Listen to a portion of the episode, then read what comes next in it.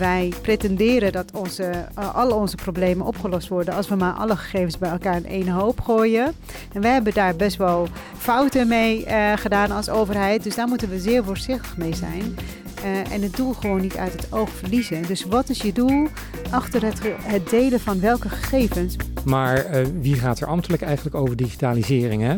De doorzettingsmacht die een, een um, bewindspersoon politiek gezien wel heeft, die is ambtelijk natuurlijk veel ingewikkelder te organiseren. We hebben ons wel eens geroemd hè, om de splitsing tussen beleid, uitvoering en inspectie. Maar soms denk ik wel eens, volgens mij moeten we daar weer vanaf. Welkom in de publieke ruimte. Een podcast over prangende vragen en taaie dilemma's die komen kijken bij een betere publieke dienstverlening. De plek waar nieuwe perspectieven een podium krijgen. Welkom, welkom in de publieke ruimte waarin we oplossingen verkennen om gegevensdeling nu echt op gang te brengen. Althans, dat is de ambitie. Uh, Otto, jij weet het ook, hè? Het is een van de oproepen uit de staat van de uitvoering. Breng gegevensdeling tussen publieke dienstverleners nu echt op gang.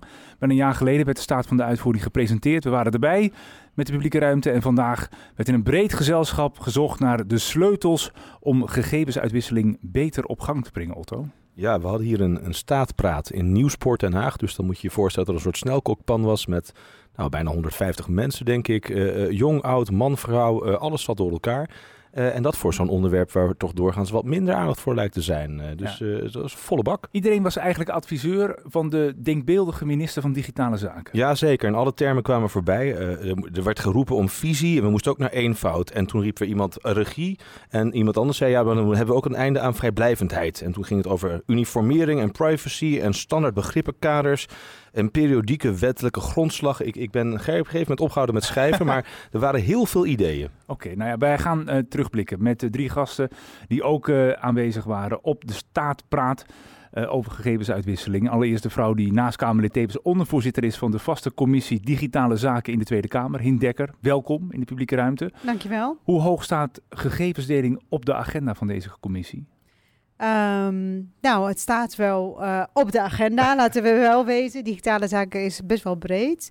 Um, we hebben het over privacy van mensen. En in dat kader hebben we het ook over gegevensdeling uh, uh, in ja. de commissie Digitale Zaken. Maar waar staat die ongeveer dan op het lijstje? Dat... Nou, Agenda punt. 13b? Nou ja, of is het we hebben zes kernonderwerpen. En ethiek uh, en grondrechten van mensen.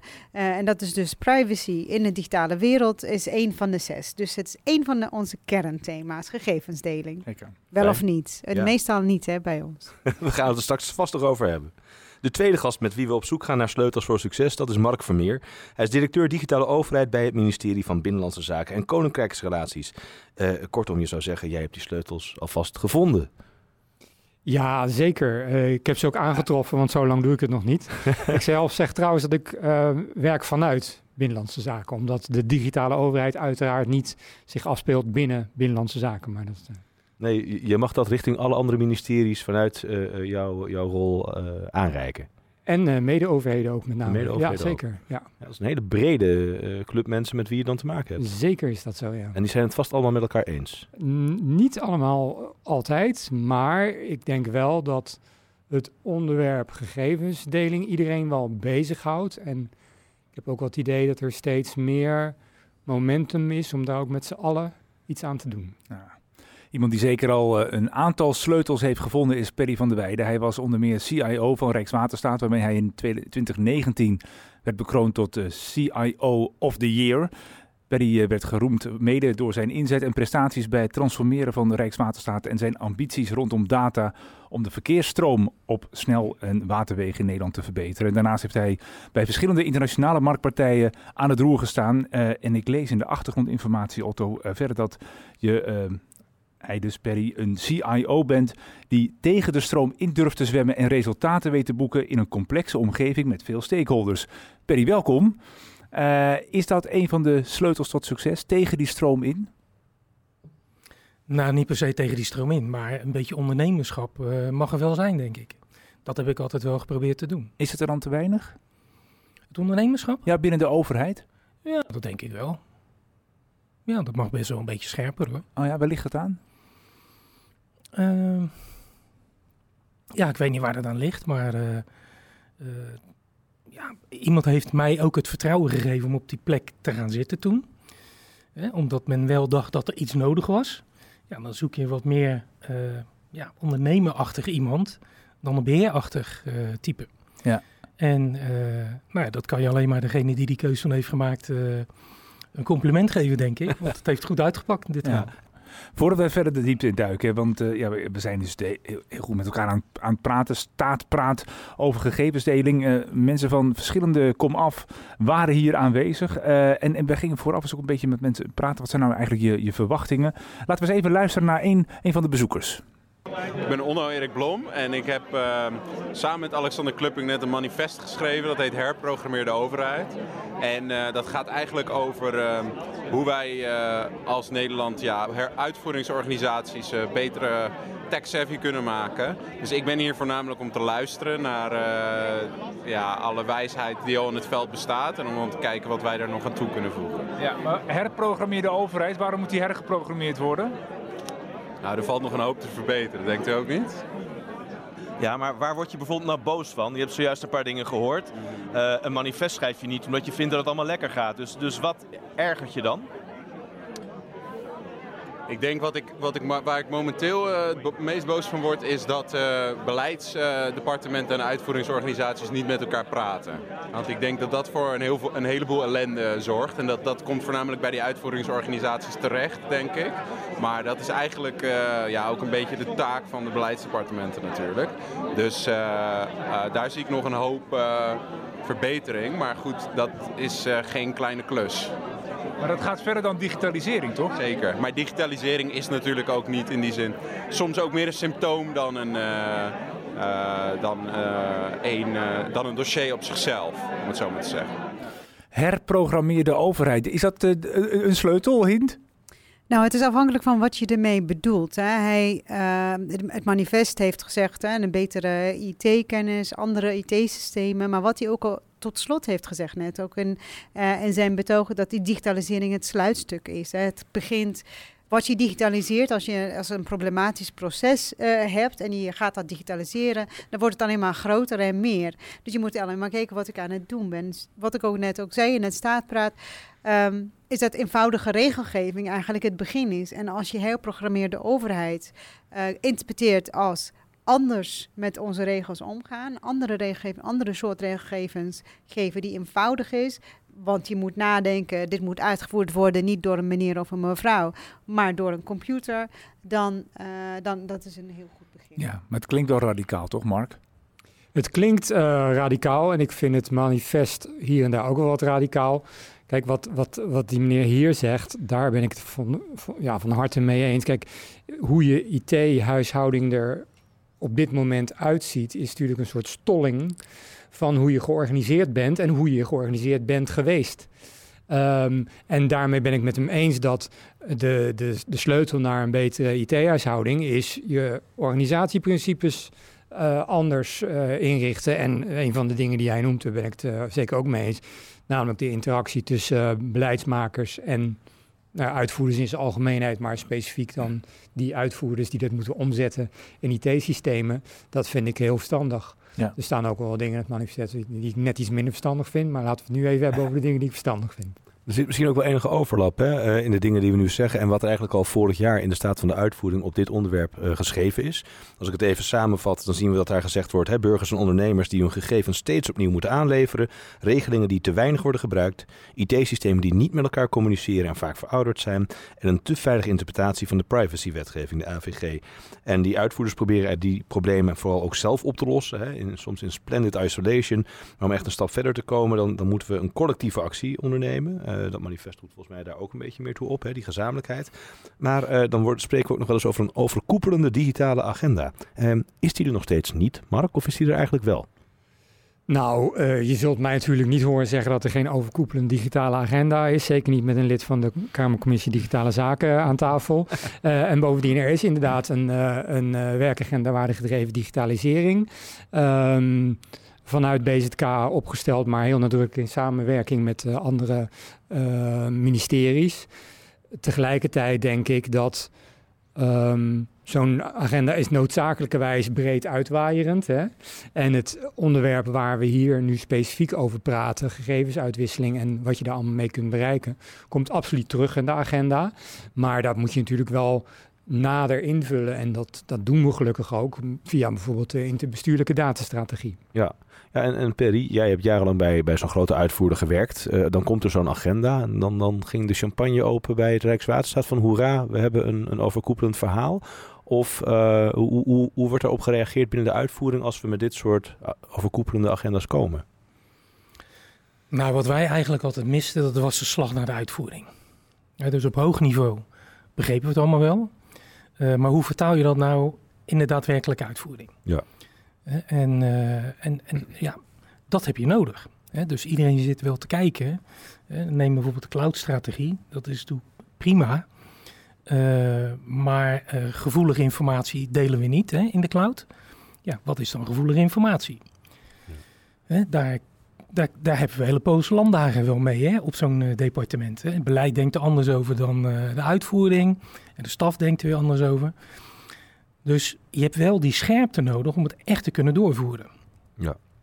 Ik vergelijk het altijd wel een beetje met bijvoorbeeld met financiën. Als je binnen het Rijk naar die financiële kant kijkt dan houden alle ministeries daar een hele helder proces in. Hè? Je krijgt een budget, je wordt gecontroleerd, je moet het weer terug uh, aanleveren aan uh, financiën. Heel veel goede regels en, en standaarden zitten daarin. Niemand kan daar onderuit. Ik vind dat wel een mooie vergelijking. En dat zouden we nodig hebben op de IT-kant. Okay. Dat heb ik ook vaak in digitale zaken ook gezegd. Ja. Uh, digitale zaken is niet één ding, maar het is overal natuurlijk. En alle ministeries, vrijwel alle wetten die wij hier aannemen, zijn digitaal in de uitvoering. Maar daar staan wij niet bij stil. Dat zijn hele vage compromissen, politieke compromissen, waar wij allemaal schuld aan hebben hier in de politiek. Maar je moet het eigenlijk uh, heel vaak nadenken als A dan B-achtige regels. Hè? En die kan je dan doorvertalen in het systeem. En ik heb ook altijd gezegd hè, bij digitale zaken, ook bij de agenda waardegedreven digitalisering hè, van onze staatssecretaris, dat waarom gaat het bij financiën heel erg goed? Iedereen houdt zich aan die regels. Omdat het gewoon duidelijke regels zijn. Die mag niet in het rood uh, staan. En je hebt een budget van zoveel miljoen ja. of zoveel miljard als het uh, volksgezondheid is. En, um, en bij digitale zaken is het nog best wel. Uh, nog niet uh, stevig genoeg. Nee. En het zit ook niet tussen de oren. Dat is ook wat ik bedoelde Hmm. net met meer kennis van digitalisering. Ja. Het werd geïnterpreteerd als IT-kennis. Nee, ja, met kennis dat je ook weet wat de impact zijn, wat de gevolgen zijn en wat dat dan betekent wat je hier uh, in het bestuur van, uh, van een ambtelijke organisatie of hier in de politiek nodig Ja, hebt om door te kunnen zien. Ja. Precies. Is er politiek betekent. voldoende aandacht voor? Want eh, Otto, twee Kamerleden waren er vanavond. Ja, zeker. Eh, ik, ik zou zeggen van, dit is zo'n belangrijk thema. De, de helft van de Kamer is hier gewoon aanwezig. Uh, nou, dat zou je denken. Maar toch, uh, ook wij zijn echt best wel verkokerd, helaas. Iedereen zit zo in de 15 vaste Kamercommissies die wij hebben. En uh, wat er ook meespeelt, in verdediging van mijn collega's die hier niet aanwezig zijn. Ik weet ook niet, het is natuurlijk campagnetijd. Wat er ook meespeelt is natuurlijk kleine fracties. Wat ik er tegen aangelopen heb bij collega's die heel hard voor de zaak hebben. Die niet in alle commissiedebatten kunnen komen of die niet ook het dossier beter kunnen bestuderen. Want als je met z'n zessen in de Kamer bent, is het natuurlijk anders dan als je, zoals bij de VVD, met de 34 of wij uh, 24. Dat is best ja. wel een luxe. Jij kwam in de wandelgang het andere Kamerlid tegen, Otto? Uh, klopt, ja. ja. Ik uh, sprak uh, Houder Rahimi van de VVD en uh, ik vroeg hem of ze een gezamenlijke agenda hebben. Nou, ik, zit, ik heb eerst. Uh, kijk, ik zit nu 660 dagen in de Kamer. Hè. Ik tel de dagen. Elke dag iets fixen. En ik zit er nog twee weken in. Hè. Ja. Dus, dus uh, ik sta op nummer 44. Hopelijk kom ik weer terug hè, voor de VVD. Uh, bij die commissie hebben we bijvoorbeeld vaak een debat over opruimen van de data. Dat gaat precies over het feit van de data die niet correct is. Hoe gaan we dan zorgen dat die goed wordt en valide wordt? Dat je geen foute data hebt. Want als je die hebt, ga je ook foute beslissingen maken. Dus dat is heel belangrijk. Nou, dat bespreken we in die commissie Digitale Zaken. Dus ik ben ongelooflijk blij dat we die hebben. Ik zou het wel fantastisch vinden als meer Kamerleden er zijn. Want heel vaak zijn er toch vaak een aantal Kamerleden van bepaalde partijen. En ik snap dat het soms lastig is hè, voor andere, uh, de kleine. Ik zag dat er 36 leden waren, maar die komen dus niet allemaal opdagen, ja, begrijp ik. Is, ik ben er altijd in ieder geval, altijd. Ik wil niks mis.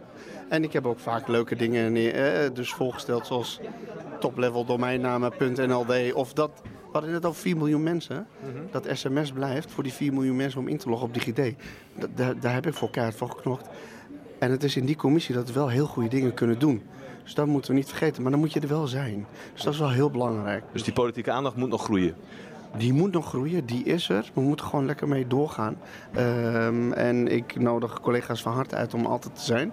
En ik hoop dat die ook blijft na de verkiezingen. Hè? Dus eh, kijk, ik hoop dat ik terugkom. En, eh, en ook andere Kamerleden digitaal vaardig zijn. Maar alles is digitalisering hè, binnen de overheid. Ja. Het is onderdeel van een cruciaal proces. Dus het is niet zomaar iets. En als het niet goed gaat, dan kan je beleid niet uitvoeren. Ja, ik vind het wel jammer dat jullie samen zo laag op de lijst staan dan. Ja, zo gaan die jullie dingen zijn de natuurlijk in de politiek. voor de IT. Ja. Ja, zo gaat beetje- vaker, Ik zag jou hoofdschuddend soms eh, zitten bij deze Ja, eh, stukje. je, dat is doodzonde. Ja. Dat, dat, dat, dat is het. En een eh, van de meest actieve leden ook eh, was Rens Kleijten Ja. eh, bij Digitale Zaken. Nou, die is dus ook gestopt. Nou ja, nu hopen we natuurlijk op, hoop ik in ieder geval op een voorkeurzetel. dus wie weet kom ik gewoon over drie weken weer terug. Het is nummer 46 en mensen. Maar goed, ik ben het wel eens hè, met het. Ik wil wel even commentaar geven over dat opruimen van vervuilde data. Ehm, daar zie je ook aan eh, dat het aan, naar aanleiding van een motie was eh, van de toeslagenaffaire. En het was heel vaag omschreven. Bijvoorbeeld alleen etniciteit niet meegenomen is in die vervuilde data. En je zag dus dat er alle departementen, alle ministeries hebben, dus, eh, hebben die opdracht van ons gekregen. En iedereen interpreteert het op zijn eigen manier. Hier is dus ook bij de motie niet goed over nagedacht, over de uitvoering van die motie. Want Ja. die is alle kanten opgegaan, kan ik je vertellen. We zijn nog lang niet klaar. En, en Mark, hoe beluister jij dit? Want jij probeert ook natuurlijk vanuit die digitale eh, samenleving eh, na te denken hoe je dit soort moties verder brengt binnen al die departementen. Ehm, Ja, nou ja, goed, dat is inderdaad ehm, wel ingewikkeld. Want eh, we hebben gelukkig hè, een eh, coördinerend bewindspersoon op het gebied van, van digitalisering. We hebben ook een Kamercommissie die erover gaat. Maar eh, wie gaat er ambtelijk eigenlijk over digitalisering? Hè? Ja. Ja, ja iedereen, eh, helder. We hebben een CIO-stelsel, ook helder. Maar de, de doorzettingsmacht die een, een ehm, bewindspersoon politiek gezien wel heeft, die is ambtelijk natuurlijk veel ingewikkelder te organiseren. En dat komt precies ook door dat wat Hint zegt. Alles is digitalisering. Ja. Ehm, dus het is een aspect wat eh, door de hele bedrijfsvoering en eh, überhaupt door de overheid heen speelt. Maar reflecteer dan eens wat, wat Perry zei. Eigenlijk een apart ministerie waar je dat gewoon net als financiën gewoon in regelt. Ehm, nou, dat vind ik wel een ingewikkelde om eerlijk te zijn. Eén, als je de komende KMS-periode een nieuw ministerie gaat oprichten, ben je precies daar de eerste twee jaar mee bezig. Hè? Dan gebeurt er inhoudelijk heel, heel weinig. Eh, twee, ehm, de vergelijking met financiën vind ik enerzijds heel, enerzijds heel treffend.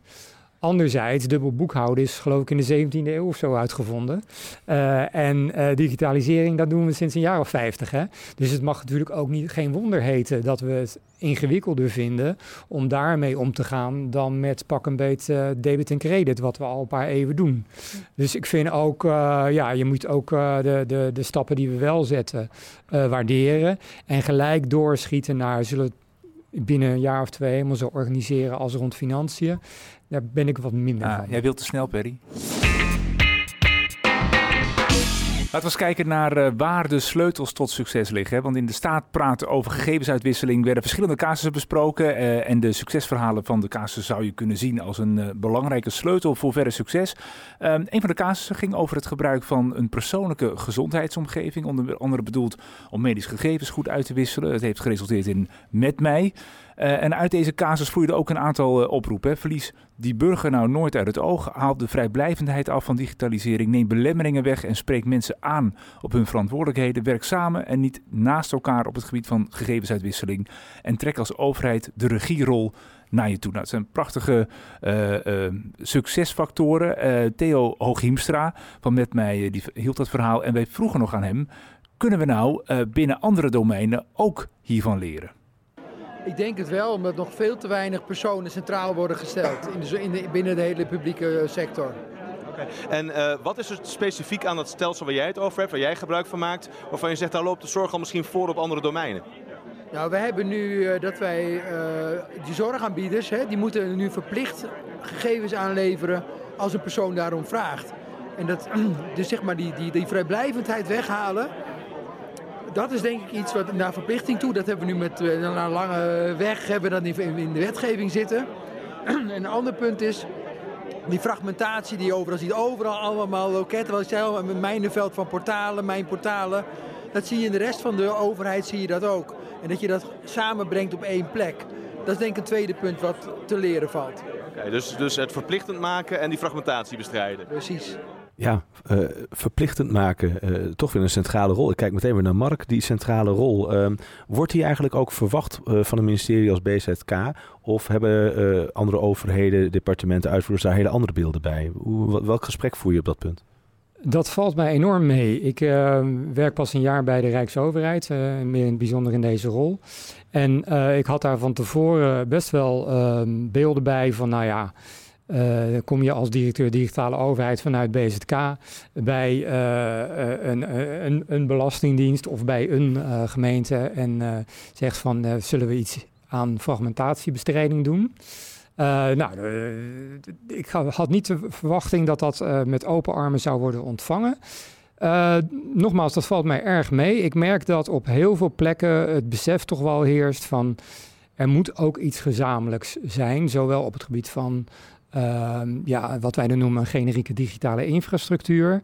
Um, als op het gebied van bijvoorbeeld een uh, dienstverleningsconcept van de overheid. Hè. Dus iedereen redt het heel, heel goed achter zijn eigen loket. Maar iedereen wordt ook geconfronteerd met mensen die zich bij het treffende loket melden. En eigenlijk bij een ander loket moeten zijn. Of in ieder geval uh, maar voor deels geholpen kunnen worden. Nou, uh, rondom gegevensdeling is, helpt natuurlijk ook zeker de oproep van het netwerk van publieke dienstverleners.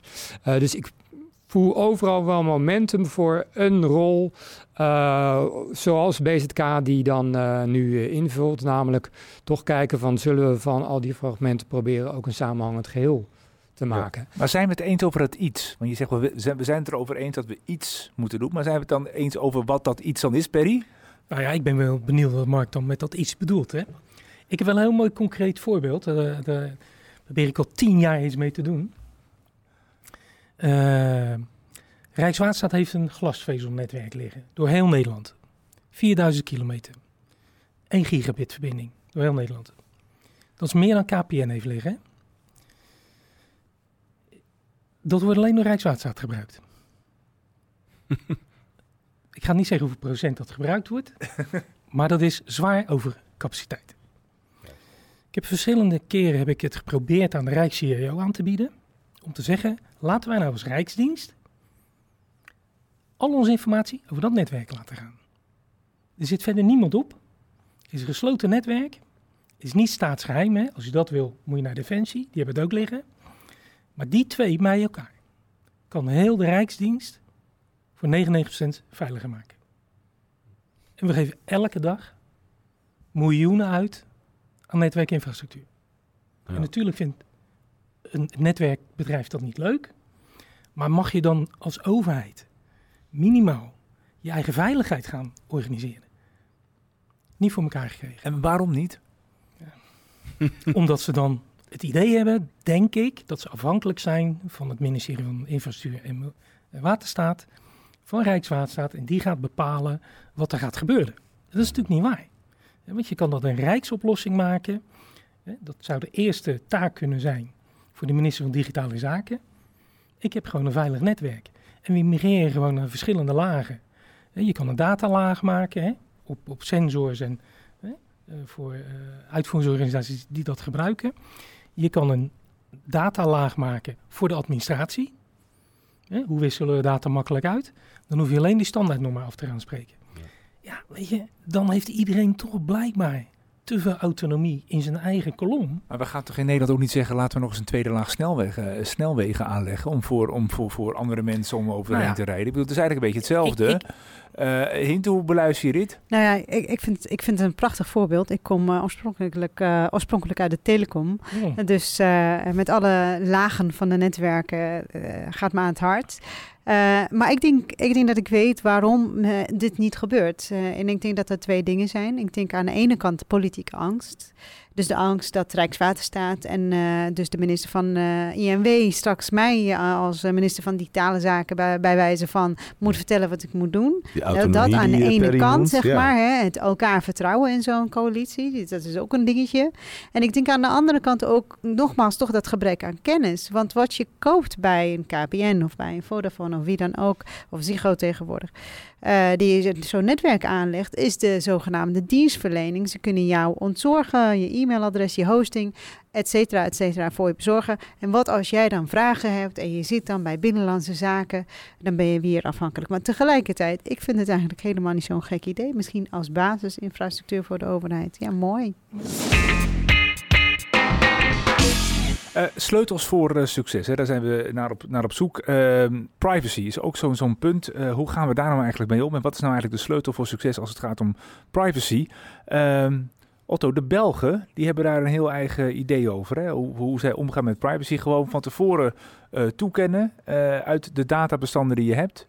en, en niet achteraf nog een keer gaan controleren. Klopt, zij zijn daar inmiddels bezig met proactieve dienstverlening. Uh, en wij spraken Leo van Lo. En ik had natuurlijk de eeuwig flauwe vraag: doen de Belgen het nou echt beter? Hm.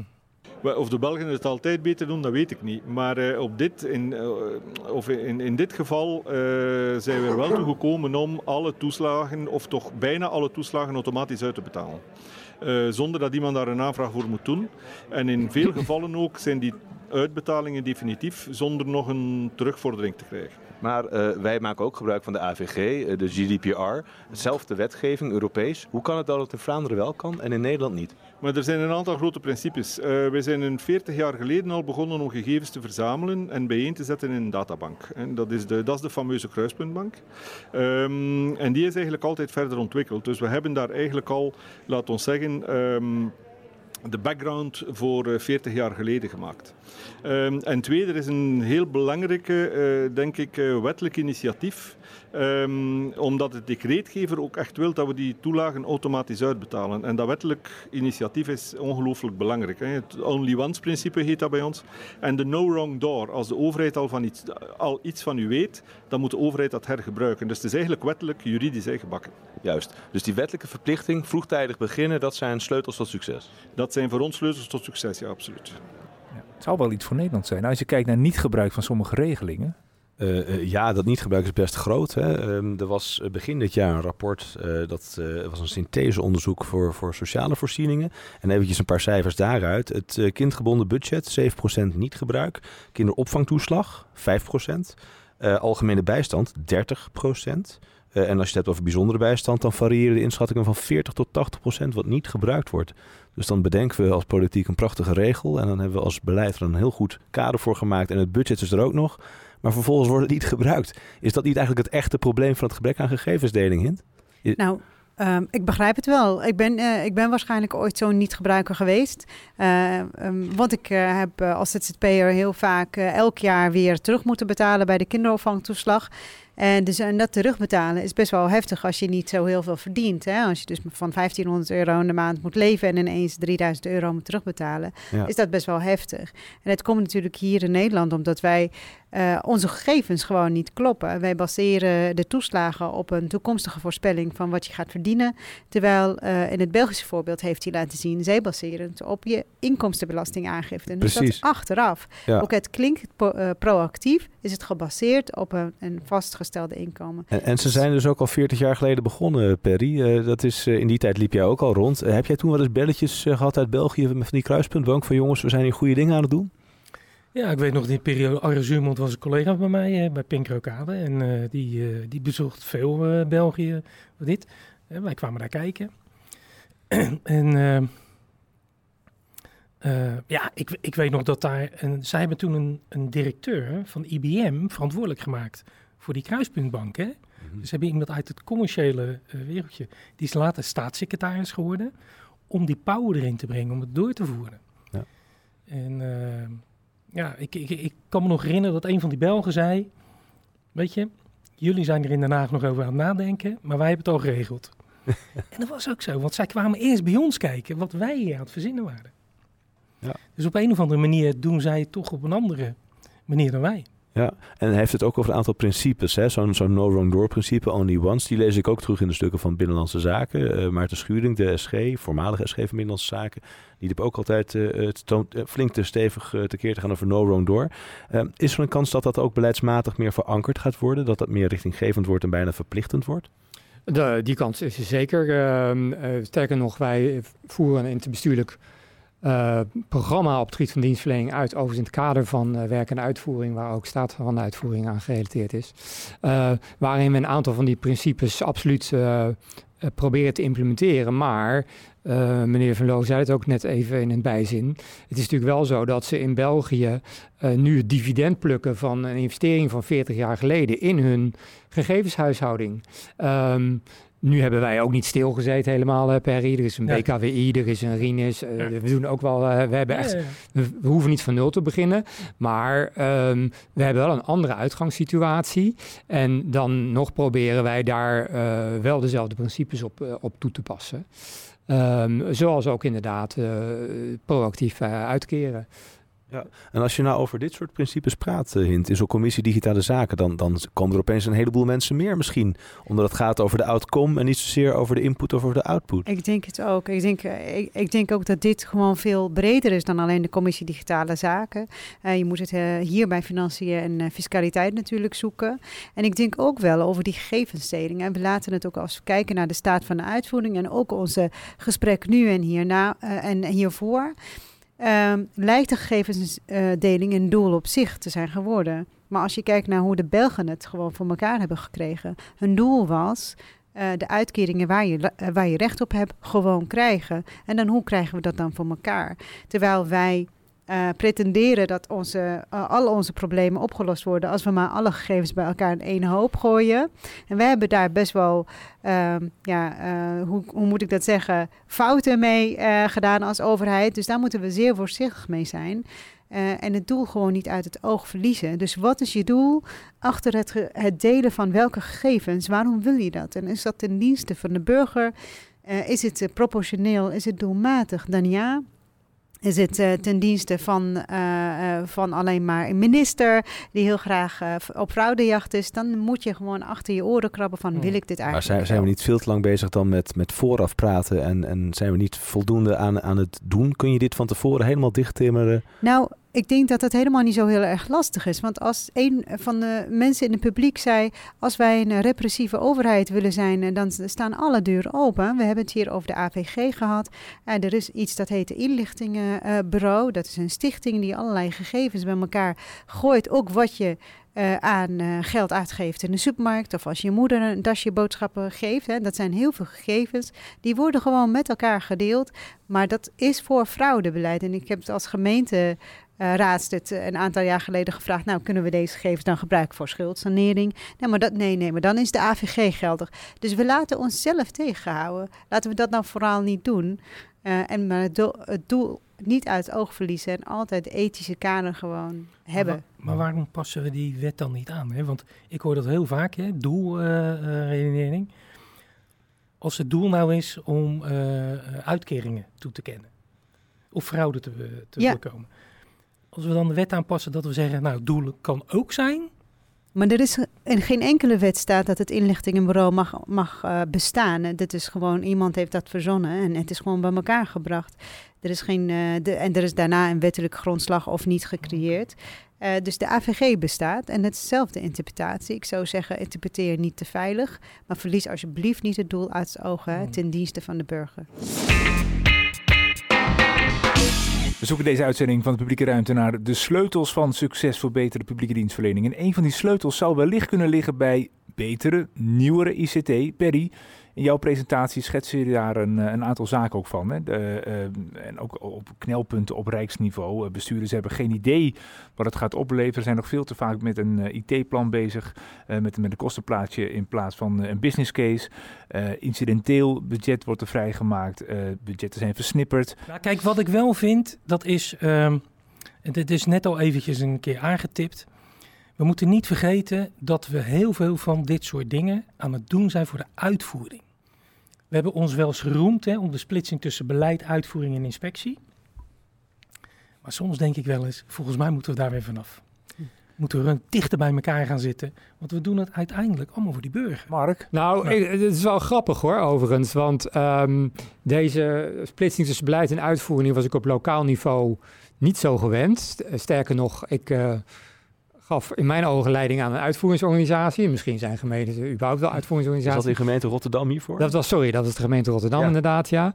Eh, en de dag dat ik eh BZK eh, beklom, zal ik maar zeggen, de toren, had ik het idee dat er ineens een sticker beleid op je hoofd zit. En dat aan de andere kant Ja. van de tafel Ja. uit, mensen met sticker uitvoering zitten. Ja. Ja, zelf zit ik zo niet in elkaar per se, maar ik, ik, ik merk het wel. Te- de- tegelijkertijd wil ik het wel relativeren.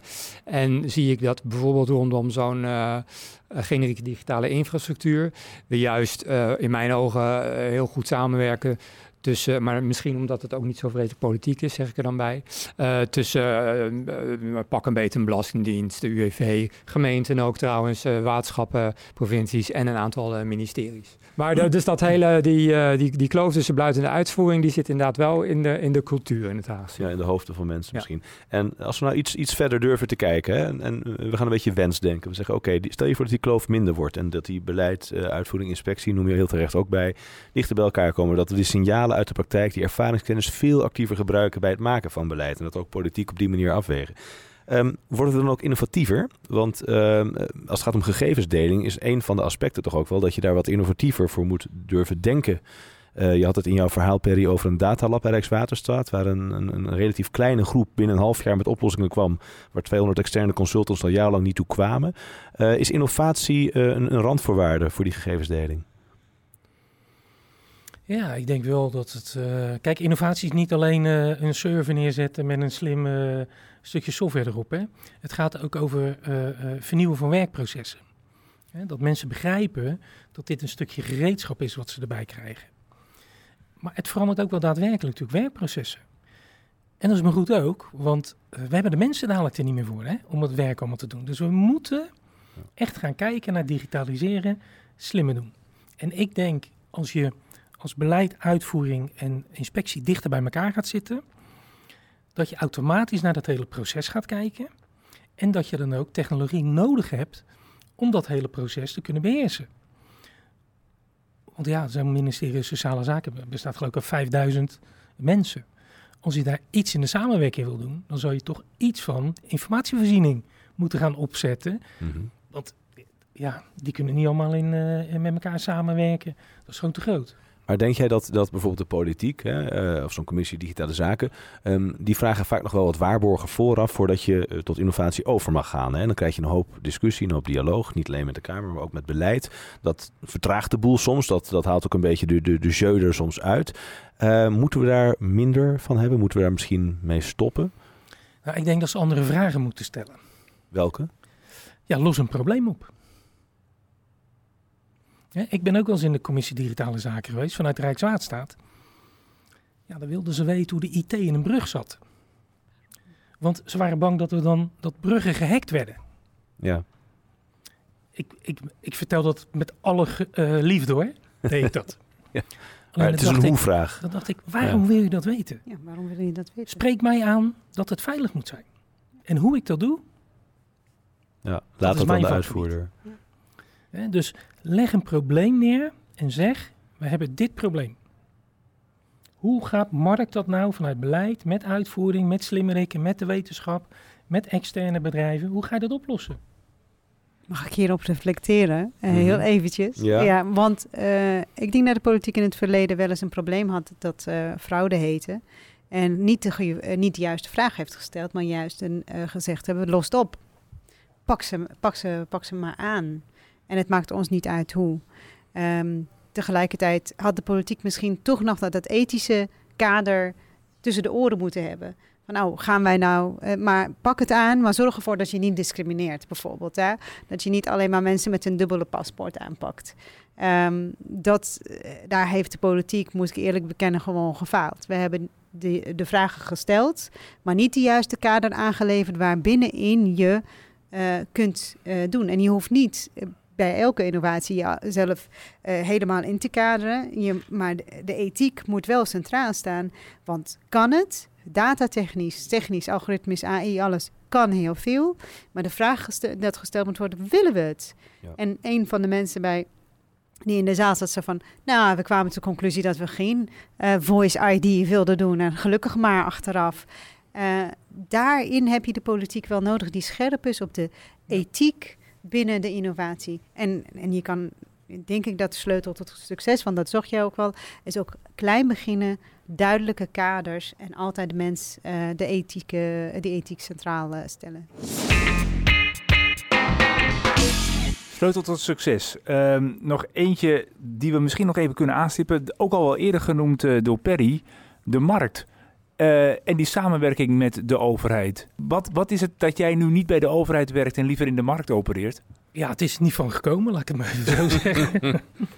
Ehm, nee, ik, eh, ja, ik heb een, een, een kans gekregen die ik eh, nu gepakt heb bij, bij Pink Elephant en prima. Maar dat, ik sluit helemaal niet uit dat, maar, hè, want ik ben toch publieke man. Ik heb 40 dienstjaren in de publieke sector. Dus, eh, dat maar is er een goed huwelijk te vinden tussen die twee, Oh, markt ja. en overheid? Ja, maar je moet wel het eerlijke verhaal vertellen. Ehm, ehm, en daar heb je ook weer kennis voor nodig. Hè? Want, ehm, en, en Mark zal dat zeker herkennen. Er komen natuurlijk heel veel mensen passeren. Hè? En die vertellen je allemaal, wij eh, hebben de geweldigste producten. Daarvoor heb je ook een stukje visie nodig en een stukje architectuurdenken. Dat je zeker weet van, joh, dit is een mooi product, maar past gewoon niet in mijn eh, eh, architectuur of in mijn eh, eh, visie. Hè, dus weet ook de juiste keuzes dan te maken. Hoe, hoe kijk jij daarnaar, Mark? Want vanuit digitale overheid, die, die marktpartijen hebben natuurlijk een redelijk stevige positie momenteel. Hoe, hoe moet zich dat ontwikkelen? Nou ja, het is inderdaad zo dat de tegenstelling markt en overheid eh, is natuurlijk flinterdun, want er loopt aardig wat markt rond bij de overheid, denk ik dan. Hè? Jij had eh, vandaag in je casus perry over wat je verdiende door wat ehm externe naar huis te sturen. Ehm, ik, ik wil Perry's verhaal in zoverre wel wat nuanceren dat ik vind dat het opdrachtgeverschap aan IT binnen de overheid eh grosso modo echt wel eh, beter kan. En eh, dat natuurlijk, daar helpt het zeker bij om meer samen te werken hoor. Dat wil ik helemaal niet tegenspreken. Maar of dat ook genoeg is, dat weet ik zo net nog niet. Ik denk echt wel dat we daar eh, in zouden moeten investeren. En als je goed IT-opdrachtgeverschap hebt, dan zie ik ook die tegenstelling markt en overheid niet meer zo eh, eerlijk gezegd. Want je hebt de markt sowieso nodig. eh, en dat vind ik ook helemaal niet verkeerd, om eh, allerlei oplossingen te realiseren. Zolang je maar zelf aan het roer staat. Ja. Ja. In Denemarken trouwens is, gaat dat veel verder, hè, die samenwerking, eh, toch Perry? Ja, daar doen ze dat. eh, nou, zeker bij aanbestedingen weet ik dat. Hè. Ehm, kijk, als in Nederland eh, een aanbesteding begint, soms al voordat de aanbesteding begint, wil niemand meer met je praten. Gaan echte luiken dicht, krijg je niks meer te horen, mag je niks meer weten. En, en waarom hebben we dat zo bedacht? Is dat een politieke wens of waar, wat is dit? Nou, dat weet ik niet. Kijk, dit is Europese wetgeving. In Denemarken doen ze dat anders. Daar gaan ze tot het laatst toe met die marktpartijen in dialoog. En dan pas zeggen ze tegen al die partijen die geïnteresseerd zijn: oké, nu stoppen we. Morgen ligt de aanbesteding op de, eh, op de deurmat. Dat is veel meer Dus daar gaan ze collaborative veel langer eigenlijk. door. Hè? Ja. Wat ze ook doen, wat ik ook wel eh, opmerkelijk vind. In Nederland krijg je één A4'tje om een antwoord te geven. In Denemarken zit er geen max aan. Dan mag je gewoon schrijven wat je wil. Als dat je verhaal beter duidelijk maakt, dan is dat maar zo. Maar ik, ik, ik heb nou, in mijn vorige baan meegemaakt. Dachten wij, hoe moeten we dat in godsnaam in één A4'tje prikken? Kan je toch niet goed uitleggen wat je doet? Ja. Ik, heb het van mijn, ik herken het vanuit, vanuit mijn vorige werk Oh. als, de- als adviseur. En eh, veel aanbestedingen ook eh, gedaan. Wat je ook eh, merkt is ook wat Mark zegt. Hè, het gebrek aan opdrachtgeverschap. Mhm. En ik denk ook wel als we kijken naar de markt. Hè, want ik hoor jullie zeggen, oh de markt brengt de oplossingen. Nou ja, qua... kijk, wij focussen heel erg op wat allemaal misgaat bij de IT en de overheid. Omdat het natuurlijk belastingcenten eh, is. Dat wil niet zeggen dat bij banken of iets dergelijks IT-systemen eh, of IT-projecten vlekkeloos lopen. hè. Die lopen waarschijnlijk ook wel mis. Alleen omdat het geen belastingcenten is, is daar geen aandacht voor. Hè. Het, zijn, het is niet onze gezamenlijke geld. Het is een ondernemersrisico. Maar Ja. fouten gebeuren overal. En laten we ook zeggen, soms moet je ook gewoon van je fouten leren. Dat zeg ik ook altijd tegen mijn kinderen. Het is prima om fouten te maken. Je kan ervan leren. Mm. Eh, dus het is niet allemaal krommer Ah, en kwel. Ook weer zo'n sleutel tot succes, eh, volgens mij. Absoluut, ja. ja. Mark, misschien ook aan jou nog een laatste vraag daarover. Ehm, het stimuleren van, van meer dingen uitproberen en accepteren dus dat er meer fouten gemaakt kunnen worden, hè, zoals, zoals Zin eigenlijk al aangeeft. Ehm, is dat iets wat je met landelijke regie tot stand kan brengen, die ruimte die dan gevraagd wordt? Want je had het bijvoorbeeld over een innovatiebudget wat jullie geven vanuit Binnenlandse Zaken. Helpt dat nou dus ook om die, om die proeftuinen, om, om, dat, om dat soort innovatie tot stand te brengen, te versterken, te versnellen? Ehm, nou, je, je vraag begon je wel heel, eh, heel veelomvattend. Daar aarzel ik wel. Maar ik denk inderdaad wel dat ehm, ons uitgangspunt eh, bij, vanuit eh, BZK is natuurlijk ehm, dat juist wat onze meerwaarde kan zijn ten opzichte van al die geweldige uitvoeringsorganisaties en ministeries die we hebben, is eh, die, die samenhang, maar ook wel ehm, ja, het feit dat wij ehm, partijen kunnen stimuleren om, om meer samen te werken. En als voorbeeld inderdaad eh, dat, dat innovatiebudget waar jij het over hebt, wat wij jaarlijks ter beschikking stellen en waar eh, allerlei overheidsorganisaties op kunnen inschrijven. Ja, eh, inhoudelijke vragen stellen we ook wel, maar de vraag die we altijd stellen is: hoe werk je samen? En hoe werk je samen met andere initiatieven? En als je daar geen bevredigend antwoord op hebt, dan kom je dus per definitie niet door het filter heen. Staat praat over eh, betere gegevensdeling. Aan het eind van eh, de staatpraat, na al die casussen, al die sleutels, eh, kwamen we toch tot een soort van wordcloud. Otto, heb jij daar, wat is jouw beeld bij de wordcloud? Ja, ik, ik heb er naar gekeken. Er stonden vooral heel veel verschillende begrippen op. Er waren natuurlijk veel mensen in de zaal. Maar de, ik denk dat er toch redelijk veel verschillende zienswijzen zijn. Dat hoorde je ook vanavond hier aan tafel. Eh, waarin we toch vanuit verschillende invalshoeken, of het nou de ICT is, of, of de wettelijke kant, of de privacyhoek. afhankelijk van hoe je het gesprek begint, kom je vaak weer tot nieuwe inzichten. Ehm, maar je merkt wel eigenlijk dat eh, die behoefte aan, aan een heldere koers, een gezamenlijke koers, die komt elke keer terug. En daarbij hoor je ook wel wat meer terug, zag ik ook in die WordCloud, dat ja, die, het einde aan de vrijblijvendheid, daar, daar wordt ook wel toe opgeroepen. Van, het mag best wat meer uniform als ons dat helpt. Hè, eh, volgens mij zei Peter dat straks ook al in ons gesprek van joh, eh, voordat je naar zo'n consolidatie gaat, zo heeft, is iedereen een rep en roer. En drie dagen daarna, nou ja, dan is het eh, blijkbaar zoals het is en gaat iedereen verder. Dus misschien moeten we ook wat meer eh, lef tonen, wat meer politieke ruggenwind hebben. Hè? Ook vanuit een, een commissie digitale zaken die zegt, kom jongens, doe het maar gewoon. Maar er moeten natuurlijk wel wat meer Kamerleden gaan komen naar die commissie. Dat is dan wel voor de legitimatie een ding. Dus ik merk wel dat er echt een behoefte bestaat aan een gezamenlijke koers. die, die, die verder gaat dan enkel de grenzen van de eigen organisatie. Zoals Mark ook zegt, joh, we doen dat samen. Eh, en die bereidwilligheid die heb ik absoluut teruggezien eh op Ja. het einde. Ehm, ja, de verkiezingen komen eraan. Er komt misschien wel een minister van Digitale Zaken. Hoe mooi zou het zijn? Ministerie, nog mooier. Voor sommigen misschien wel. Even aan de drie gasten hier aan tafel. Stel je nou voor, je mag die minister zijn. Wat is dan even in één zin of misschien in twee zinnen datgene wat je gaat, gaat, gaat doen als eerste? Ik denk eh, dat ik als eerste een cursus digitalisering ga aanbieden aan mijn medeministers. Zodat we allemaal snappen waar we het over hebben. Kijk, Perry? Zou wel een kandidaat zijn Nou, ik zou? Hint als staatssecretaris nemen en ik zou Mark als mijn eh, SG eh, aanstellen. Kijk, hier worden zaken gedaan. Ja, weet je, dan breng je alles bij elkaar. Nog steeds ik Qua beleid. Ja. En qua beleid? Qua beleid. Ehm, ehm, burger één keer informatie aanleveren en de overheid doet het ook één keer. Ja. Juist. Eén keer droomproject, één keer dit, één netwerk, één. Ja, het Klaar. netwerk van Rijkswaterstaat wordt meteen gebruikt volgens mij. Hè? Tuurlijk. Mark, hoe zit jij erin als nieuwe minister? Nou, ehm, Perry maakt net een grapje van die SG. eh, maar het is natuurlijk wel zo. ehm, het is, de kunst is om het politieke coördinatorschap van een zo'n bewindspersoon... we hebben nu natuurlijk ook een coördinerend bewindspersoon... te vertalen in ambtelijke coördinatie. Hè? Eh, wie is er nu eigenlijk ambtelijk gezien van digitalisering? Eh, het antwoord is toch vooral eh, wij met z'n allen. En dat lijkt mij wel de uitdaging voor een minis- minister van, of, of staatssecretaris, maar laten we zeggen minister van Digitale Zaken, om ja, je, je, je, je equivalent in de ambtelijke wereld te organiseren. Want die heb je volgens mij toch nodig om succesvol te kunnen zijn. Juist. Sleutels voor betere gegevensdeling. We hebben ze eh, onderzocht. Heel erg bedankt voor jullie komst naar de publieke ruimte. Graag gedaan. Ja, dit was De Publieke Ruimte, een podcast over het verbeteren van de publieke dienstverlening. Naast mij zit Martijn Grimius, mijn naam is Otto Tors. Met dank aan onze gasten hier aan tafel, Hint Dekker, Mark Vermeer en Perry van der Weijden. Vond je het interessant? Deel de podcast dan met collega's via social media en geef een reactie in de comments. Abonneer je op ons kanaal, dan krijg je vanzelf de nieuwe aflevering in je favoriete speler aangeboden. Graag tot de volgende keer. Tot de volgende keer.